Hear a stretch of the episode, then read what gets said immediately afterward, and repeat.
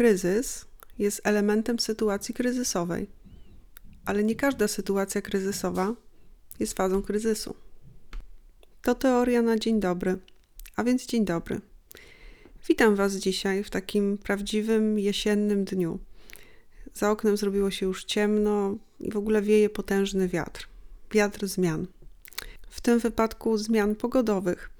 Ale przecież jesień, wiosna to okresy transformacji przejścia z jednego stanu w drugi. Mówimy nawet o przesileniu jesiennym, przesileniu letnim, e, czyli wyróżniamy taki punkt, taki moment e, przejścia między dobrym stanem a złym stanem, no generalnie przejścia między stanami. I nie wiem, czy wiecie, ale kryzys e, również można definiować, biorąc pod uwagę przesilenie. Jest to moja w zasadzie ulubiona definicja kryzysu, i teraz pozwólcie, że ją Wam przytoczę. Kryzys to moment, okres przełomu, przesilenia, decydujący zwrot. To przesilenie może poprzedzać zwrot ku dobremu lub ku złemu. Generalnie kryzys to stan niebezpieczny. I dzisiaj w podcaście porozmawiamy sobie właśnie o takich stanach, o takich momentach, w których doświadczyliśmy pewnego niebezpieczeństwa i doszło do pewnej kluczowej zmiany. Kryzysy wywołują różne czynniki, i jedną, wydaje się, z najważniejszych grup y, czynników y, wywoływania właśnie takich sytuacji zagrożenia są czynniki techniczne, które oczywiście skutkują awariami. I dzisiejszy odcinek y, no, będzie trochę zdominowany właśnie y, tematem y, różnorodnych awarii technicznych, przez które w życiu przeszłam, bo przypominam Wam, że mówi do Was inżynier. Także bądźcie też łaskawi w odbiorze tego podcastu, bo na Politechnice lekcji dykcji nie było. Zresztą tam wszystkie przedmioty społeczne określone są w bardzo taki trochę może niecenzuralny sposób, w związku z tym tej nazwy nie będę y, przytaczać. Y, kto studiuje, studiował na Politechnice, ten wie. No dobrze, ale przejdźmy do tych awarii. Pierwszą z takich awarii oraz sytuacji kryzysowych, o, którym, o której chcę powiedzieć, była sytuacja, która spotkała mnie już e, na początku mojej kariery mm, zawodowej. Byłam już wtedy może nie tyle takim opiekunem klienta, mm, co osobą, która wspierała od strony technicznej tych opiekunów klientów e, kluczowych. Więc pracowałam już wtedy z Żakiem, miałam pod opieką przede wszystkim klientów francuskich, e, różne sieci e, handlowe, no duże generalnie korporacje, które wchodziły do Polski i które otwierały tutaj siedziby. No i trzeba było tym lokalizacjom dostarczyć infrastrukturę informatyczną. Był to okres, e, trzeba zaznaczyć, wyjątkowej ekspansji jeżeli chodzi o otwieranie tych sklepów sieciowych i dosyć spora właśnie ekspansja kapitału francuskiego e, w tych latach e, miała miejsce, dlatego mieliśmy całkiem sporo pracy. No i ja muszę powiedzieć, że zaczynałam swoją ścieżkę zawodową w e, dosyć takiej sytuacji, w której no, istniał pewien konflikt światów, czyli konflikt świata tego przedsiębiorstwa, które było przejmowane przez e, obcy kapitał, e, no i tych przejmujących. No ja byłam tak trochę między tym, stałam na środku i musiałam się i z jednymi, i z drugimi dogadać. No i przyszedł kiedyś taki jeden piękny dzień, w którym się dowiedziałam, że będę się teraz zajmować firmą X. Nawet się ucieszyłam, bo była to dosyć spora firma, miała bardzo dużo lokalizacji w całej Polsce, więc generalnie duży potencjał na sprzedaż. No i tak sobie siedzę i czekam, no zastanawiam się, czy do nich dzwonić, czy jakoś się z nimi kontaktować. Ja zawsze starałam się najpierw o tej firmie poczytać, generalnie przejrzeć wszystkie raporty, przeanalizować, e, co do tej pory w danej firmie żeśmy robili. Natomiast e, przedstawiciel ów firmy mnie ubiegł. Odbieram w pewnym momencie telefon, wtedy jeszcze siedziało się przy biurkach, działały telefony stacjonarne. Mm, no i odbieram telefon, a tam bardzo zdenerwowany pan e, krzyczy na mnie. Mówi, że w ogóle e, tutaj mu nic nie działa, że on cały czas dzwoni na jakąś infolinię, nigdzie się nie może dodzwonić, że dostał tutaj do mnie telefon, no że generalnie straszne rzeczy, strasznie krzyczy, strasznie się denerwuje. No, ja mu powiedziałam, że nie wiem o co chodzi, że tak naprawdę no, to jest nasz pierwszy kontrakt, kontakt i starałam się tutaj z nim e, w jakiś sposób spokojnie porozmawiać. No i pewnie gdzieś tam zaczęłam mu wygłaszać te moje formułki, które sobie wcześniej w kajeciku przygotowałam, jak to chcę rozpocząć współpracę. Co no, pana jeszcze bardziej rozsierdziło, bo pan mnie poinformował, że praktycznie połowa mm, tych lokalizacji sklepów, bo to były sklepy, no nie działa od strony informatycznej.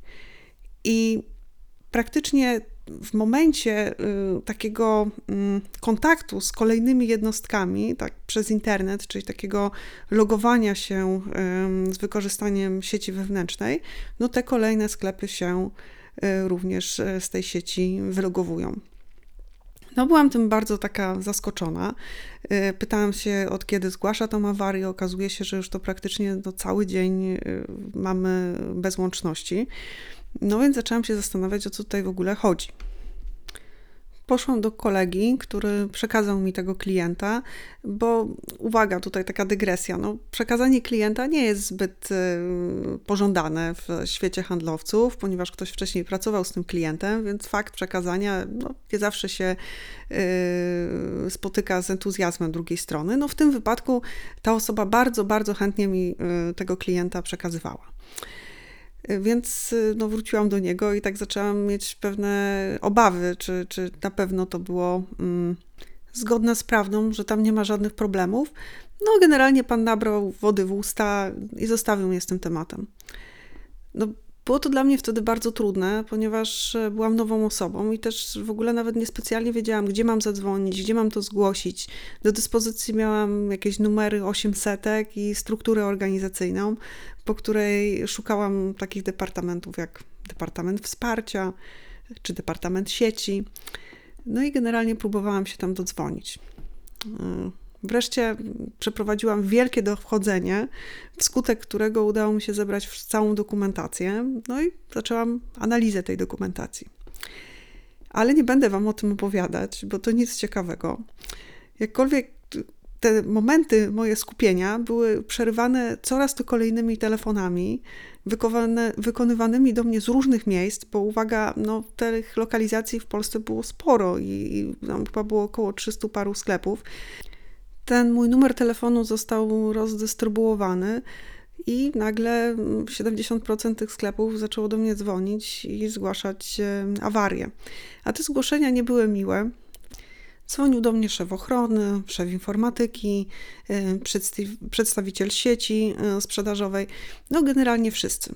W pewnym momencie, mm, nawet kiedy starałam się coś wytłumaczyć, to słyszałam, jak ktoś odkłada słuchawkę i mówi: No, znowu rozmawiam z tą, mm, tutaj wstawiam na wyciszenie, z firmy, i tu nazwa firmy.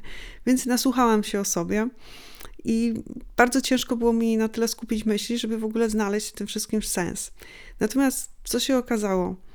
E, backup, czyli tak zwane mm, rozwiązanie, które miało zabezpieczyć firmę przed potencjalną awarią, było na tyle źle e, skonfigurowane, że wdzwaniając się do kolejnej lokalizacji, praktycznie uniemożliwiało dalszą łączność. Więc ta awaria była spektakularna w swoim działaniu, ponieważ to nie tylko odcinało dany sklep, ale też ten sklep odcięty, y, próbując uzyskać e, dalszą łączność, dzwoniąc do kolejnego sklepu, odcinał ten kolejny, więc praktycznie no to wszystko rozchodziło się po prostu jak taka, taka farbka, którą wpuścimy do wody i która po prostu tak, tak pięknie dyfunduje.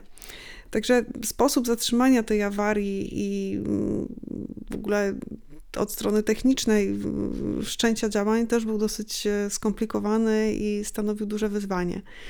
Natomiast no, nie będę Wam o tym opowiadać, bo tego by było za dużo. Natomiast kosztował mnie ten moment na pewno bardzo dużo stresu. Natomiast e, sposób e, załatwienia tej sprawy też e, przełożył się na zbudowanie bardzo silnej relacji z tym klientem. Chcę podkreślić, że fakt utraty łączności łączył się też z utratą jakichś systemów do monitoringu, e, kas, e, sposobów płatności, więc no, był to generalnie mm, spory temat i mm, klient oczywiście chciał nas za to wszystko obciążyć. Natomiast jakoś mimo tego kryzysu, mm, oni zobaczyli, że ja bardzo chcę im pomóc i że bardzo staram się odpowiedzieć na te problemy, e, łącznie z tym, że jeździłam do jakichś lokalizacji, patrzyłam jak to wygląda na miejscu, co oczywiście w kompetencji pracownika takiego, który pracuje w biurze, w centrali zupełnie nie jest i przekonałam ich do siebie. Udało nam się potem już e, oczywiście po zatrzymaniu tej awarii, naprawie tego systemu, e, dojść do takich relacji, w których e, no, jakoś podzieliliśmy się kosztami tego zdarzenia. I generalnie mm, klient zaufał mi i z chęcią kupował y, pozostałe usługi. Co było niespotykane, ponieważ zwykle po takiej awarii mm, co klient robi? No, wymawia usługi, rezygnuje z tych usług i nie chce już mieć z dostawcą nic wspólnego. Natomiast tutaj właśnie poprzez tą awarię, poprzez takie wzajemne ratowanie tych sklepów, dzwonienie do siebie i mówienie o Boże, o Boże, czy w Rumi? W Rumia jeszcze działa, jeszcze działa, tak? Obroniliśmy Rumię, tak? To było prawie jak na wojnie. I te, te, te komunikaty i, i fakt, że no faktycznie usłyszałam też wiele brzydkich słów, za które zostałam przeproszona później, to jakby zbudowało nam taką, taką fajną relację z frontu. I faktycznie wszystkie usługi, nawet takie niestandardowe i eksperymentalne, które potem wprowadzałam, bo też odpowiadałam za, za, za sprzedaż i formułowanie właśnie takich usług e, projektowych, nie tylko takich standardowych gdzieś tam z tylko właśnie takich skomplikowanych systemów. I oni faktycznie w tej sytuacji kryzysowej na tyle mi zaufali, że mm, chcieli więcej i chcieli dalej. I ta nasza relacja stała się na tyle głęboka, że mm, traktowana byłam e, w pewnym momencie jak ich wewnętrzny pracownik. Miałam w ogóle kartę do ich biura, mogłam do nich e, przychodzić.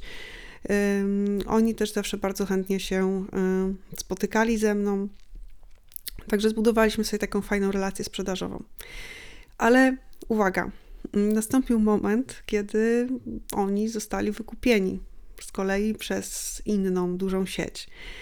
No i nastąpił moment e, takiego załamania. No ja w tym momencie straciłam dużego klienta, mm, duży obszar przychodowy, ale też wiedziałam, że w pewien sposób muszę im mm, za to wszystko mm, no, oddać trochę też takich właśnie swoich przysług.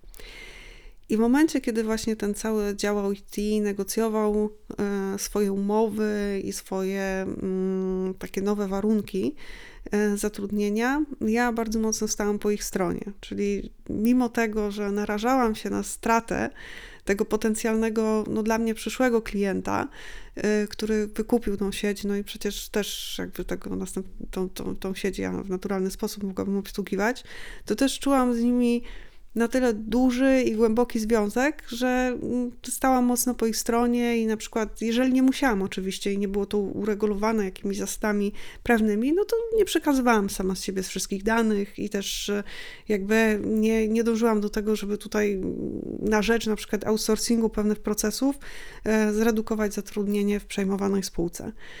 Także tak mm, wzajemnie żeśmy sobie to oddali, chyba bardzo żeśmy się ze sobą zaprzyjaźnili. Mówi się, że w biznesie nie ma się przyjaciół, tylko ma się interesy. No na pewno tak, no bo to nie wiązało się oczywiście z tym, że, że tutaj wobec siebie prowadziliśmy jakąś działalność charytatywną, ale z drugiej strony na takim poziomie ludzkim osiągnęliśmy takie fenomenalne, mm, fenomenalne porozumienie. Zresztą paradoksalnie przez nich e, po raz drugi nie zostałam inżynierem w labie, czyli to, co opowiadałam Wam w pierwszym odcinku, że we mnie zawsze istniało takie, takie dążenie, taka chęć do przeniesienia się z tego obszaru biznesowego do tego labu. No i nastał taki moment, w którym ja byłam przez firmę konkurenta y, wabiona właśnie tym, że jeżeli do nich przejdę, no to właśnie tutaj dostanę też oprócz takiej biznesowej działalności właśnie taką pracę typowo inżynierską. Będę się tutaj mogła realizować w labie, będę odpowiadała za pewne konfiguracje, no i generalnie będę pracowała ze sprzętem. I był to taki moment dla mnie wtedy przełomowy, w którym faktycznie chciałam zrezygnować z pracy w tej mojej firmie podstawowej, pracy z mm, Żakiem. I tutaj mm, nawet podpisałam jakiś list intencyjny i, i w zasadzie już chyba byłam e, w takim momencie dawania wypowiedzenia. Mm, dostałam tam też dużo lepsze warunki.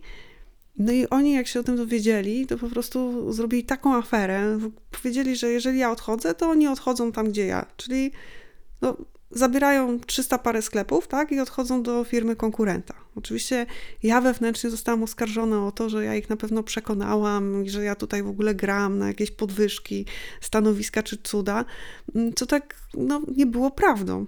Naprawdę to nie było prawdą. I myślę, że wiele osób do tej pory, wiele moich kolegów y, z, z, z tej właśnie mojej dawnej pracy myśli, że to wszystko było ukartowane i to była wielka gra. No otóż nie. Otóż w momencie właśnie, mm, kiedy ja już zadowolona sobie siedziałam nad morzem, już tam, już chyba nawet zdałam samochód, bo wiadomo jak się zmienia pracę, tam sobie trzeba wybrać ten urlop i sobie taką zrobić chwilkę przerwy.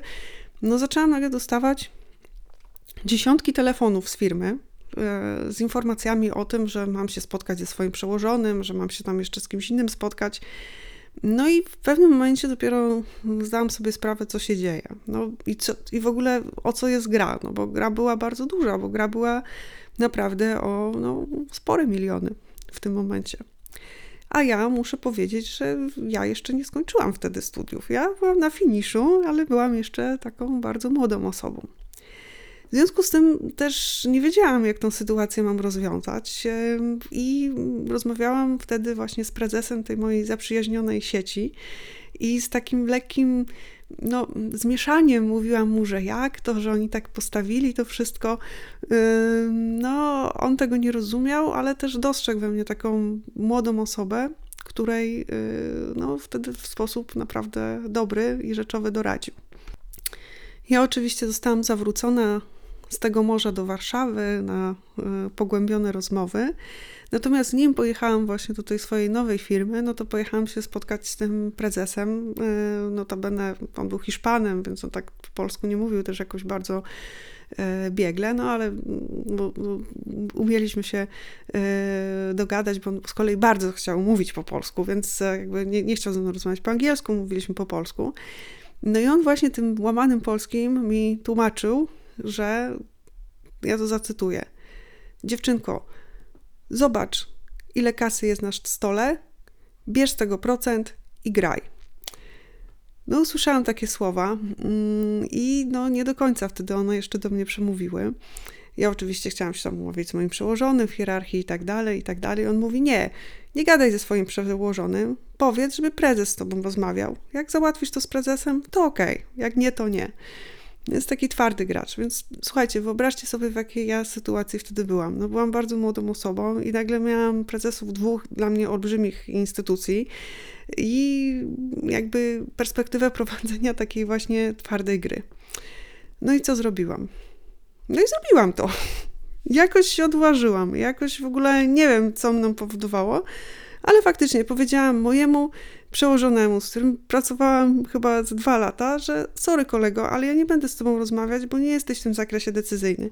Jeżeli chcecie gadać, to umówcie mi spotkanie z prezesem tej całej firmy, no to wtedy faktycznie się spotkamy i porozmawiamy o czymś, a jak nie, no to ja wtedy idę do firmy Y. No, odłożyłam ten telefon, że tak powiem, oddech mi zaparło, no i czekałam, co będzie dalej. No i wiecie co, no było dalej. Były rozmowy, powiedziałam, co chcę, czego oczekuję.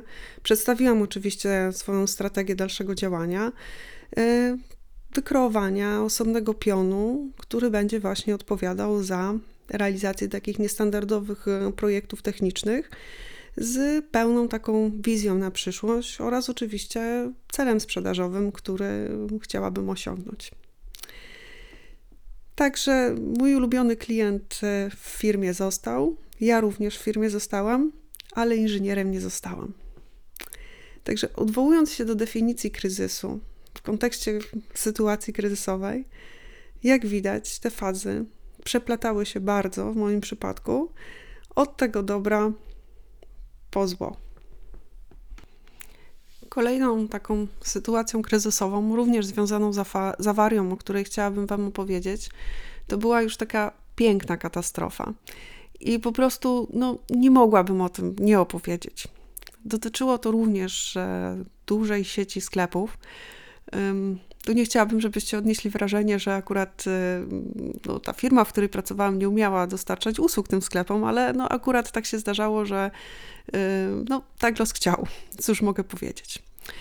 Więc uruchommy teraz na chwilę wyobraźnię i wyobraźmy sobie ten okres przedświąteczny, yy, kolendy, dzwoneczki.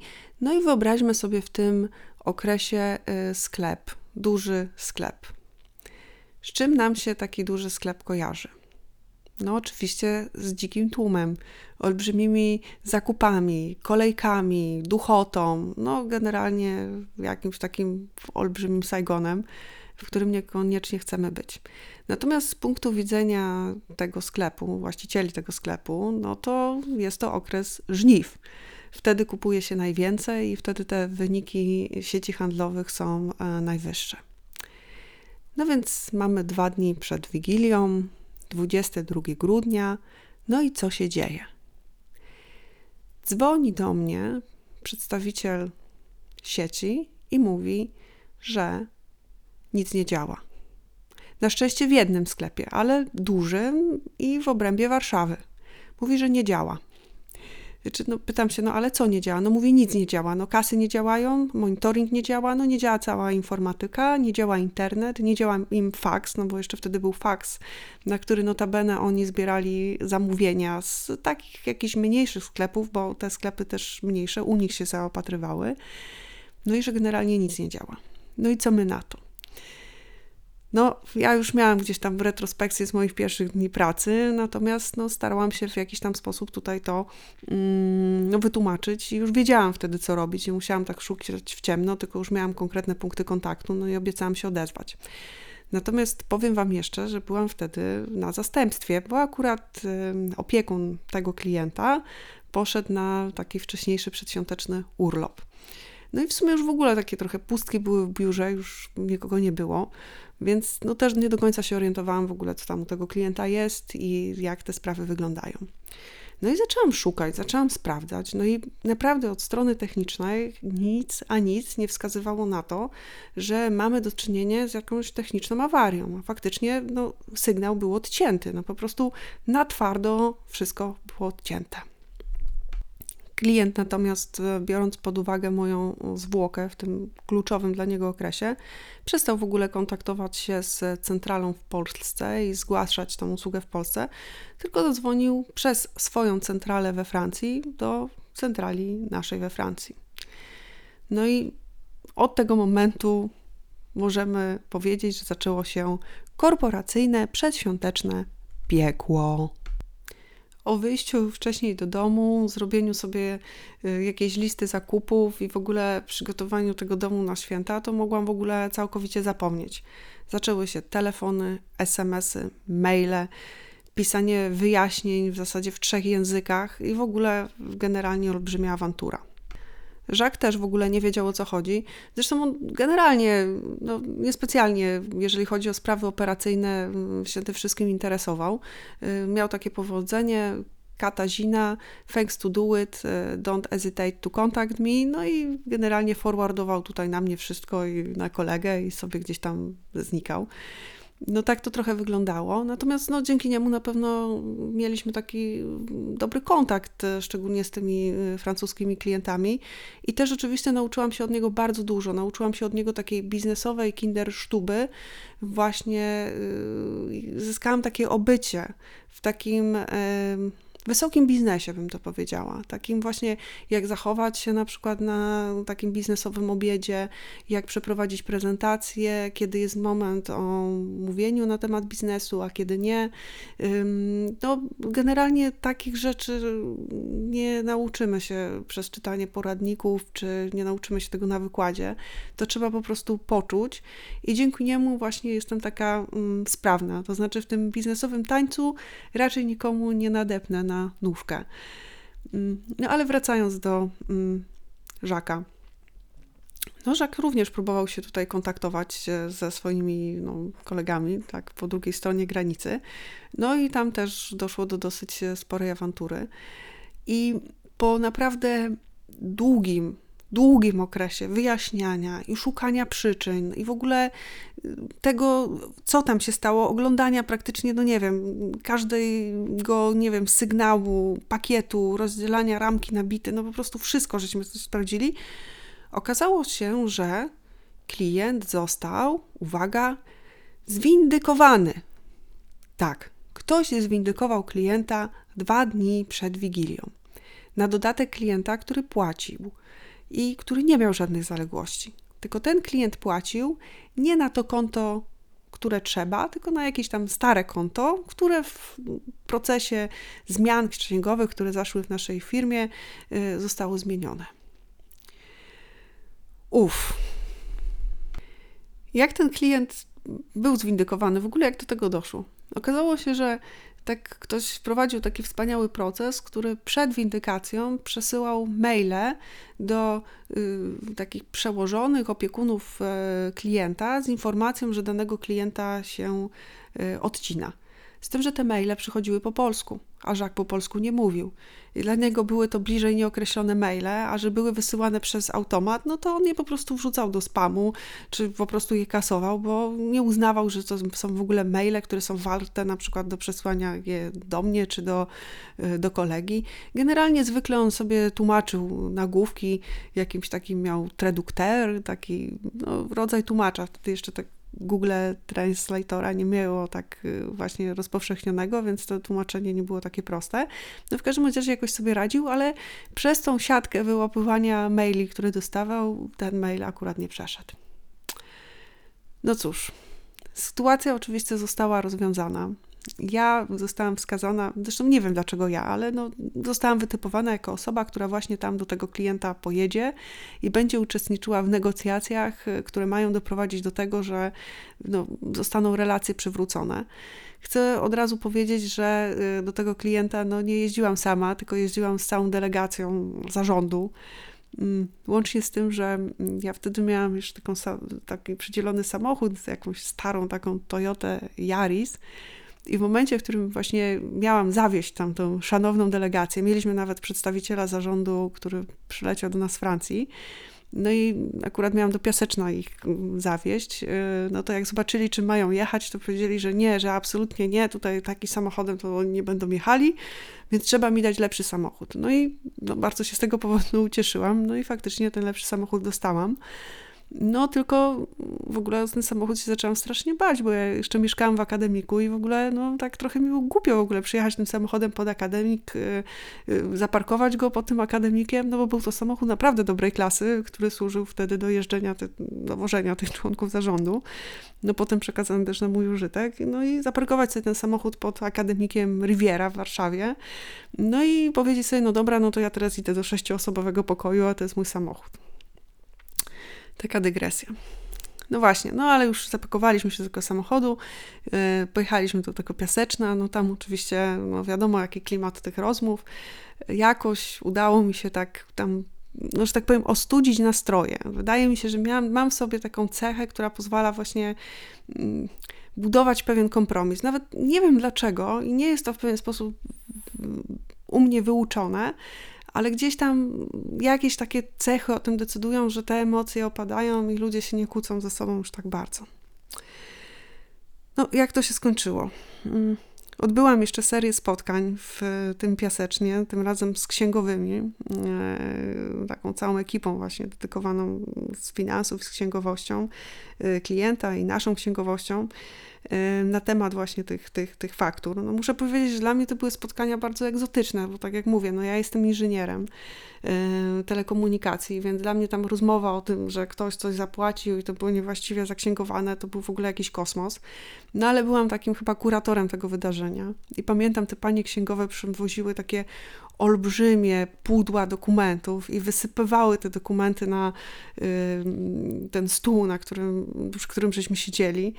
I ja oczywiście miałam nakazane, żeby wszystkie dopilnować, żeby wszystkie nasze dokumenty wróciły, żeby tam nic absolutnie nie zostało, no bo wiadomo, no gdzieś tam wisiała nad nami jednak sprawa sądowa.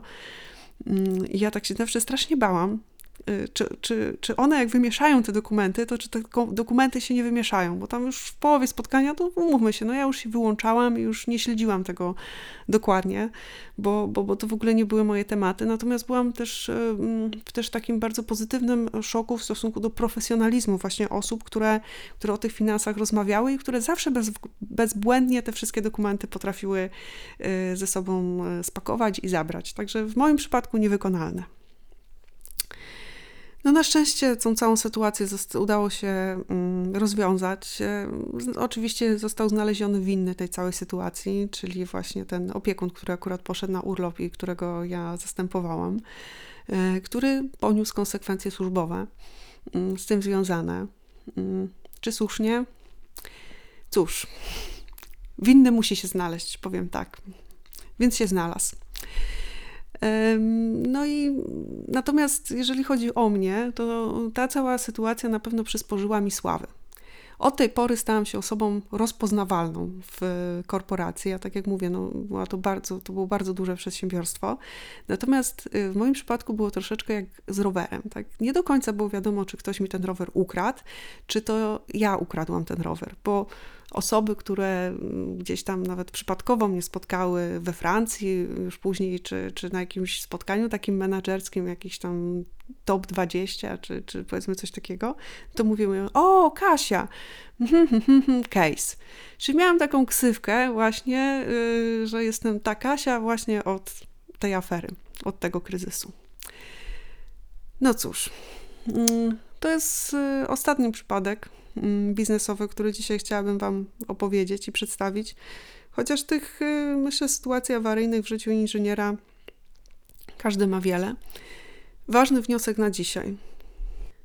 Wszystko się zmienia, wszystko transformuje. Cały stan, w którym jesteśmy, jest stanem przejścia. Dlatego nie warto się za bardzo przywiązywać ani do kryzysów, ani do sytuacji kryzysowych, bo te przesilenia zdarzają się bardzo często. I po jesieni jest zima, ale po zimie wiosna. Tego Wam właśnie życzę. Pozdrawiam Was serdecznie. Dzięki za dzisiaj. Pa!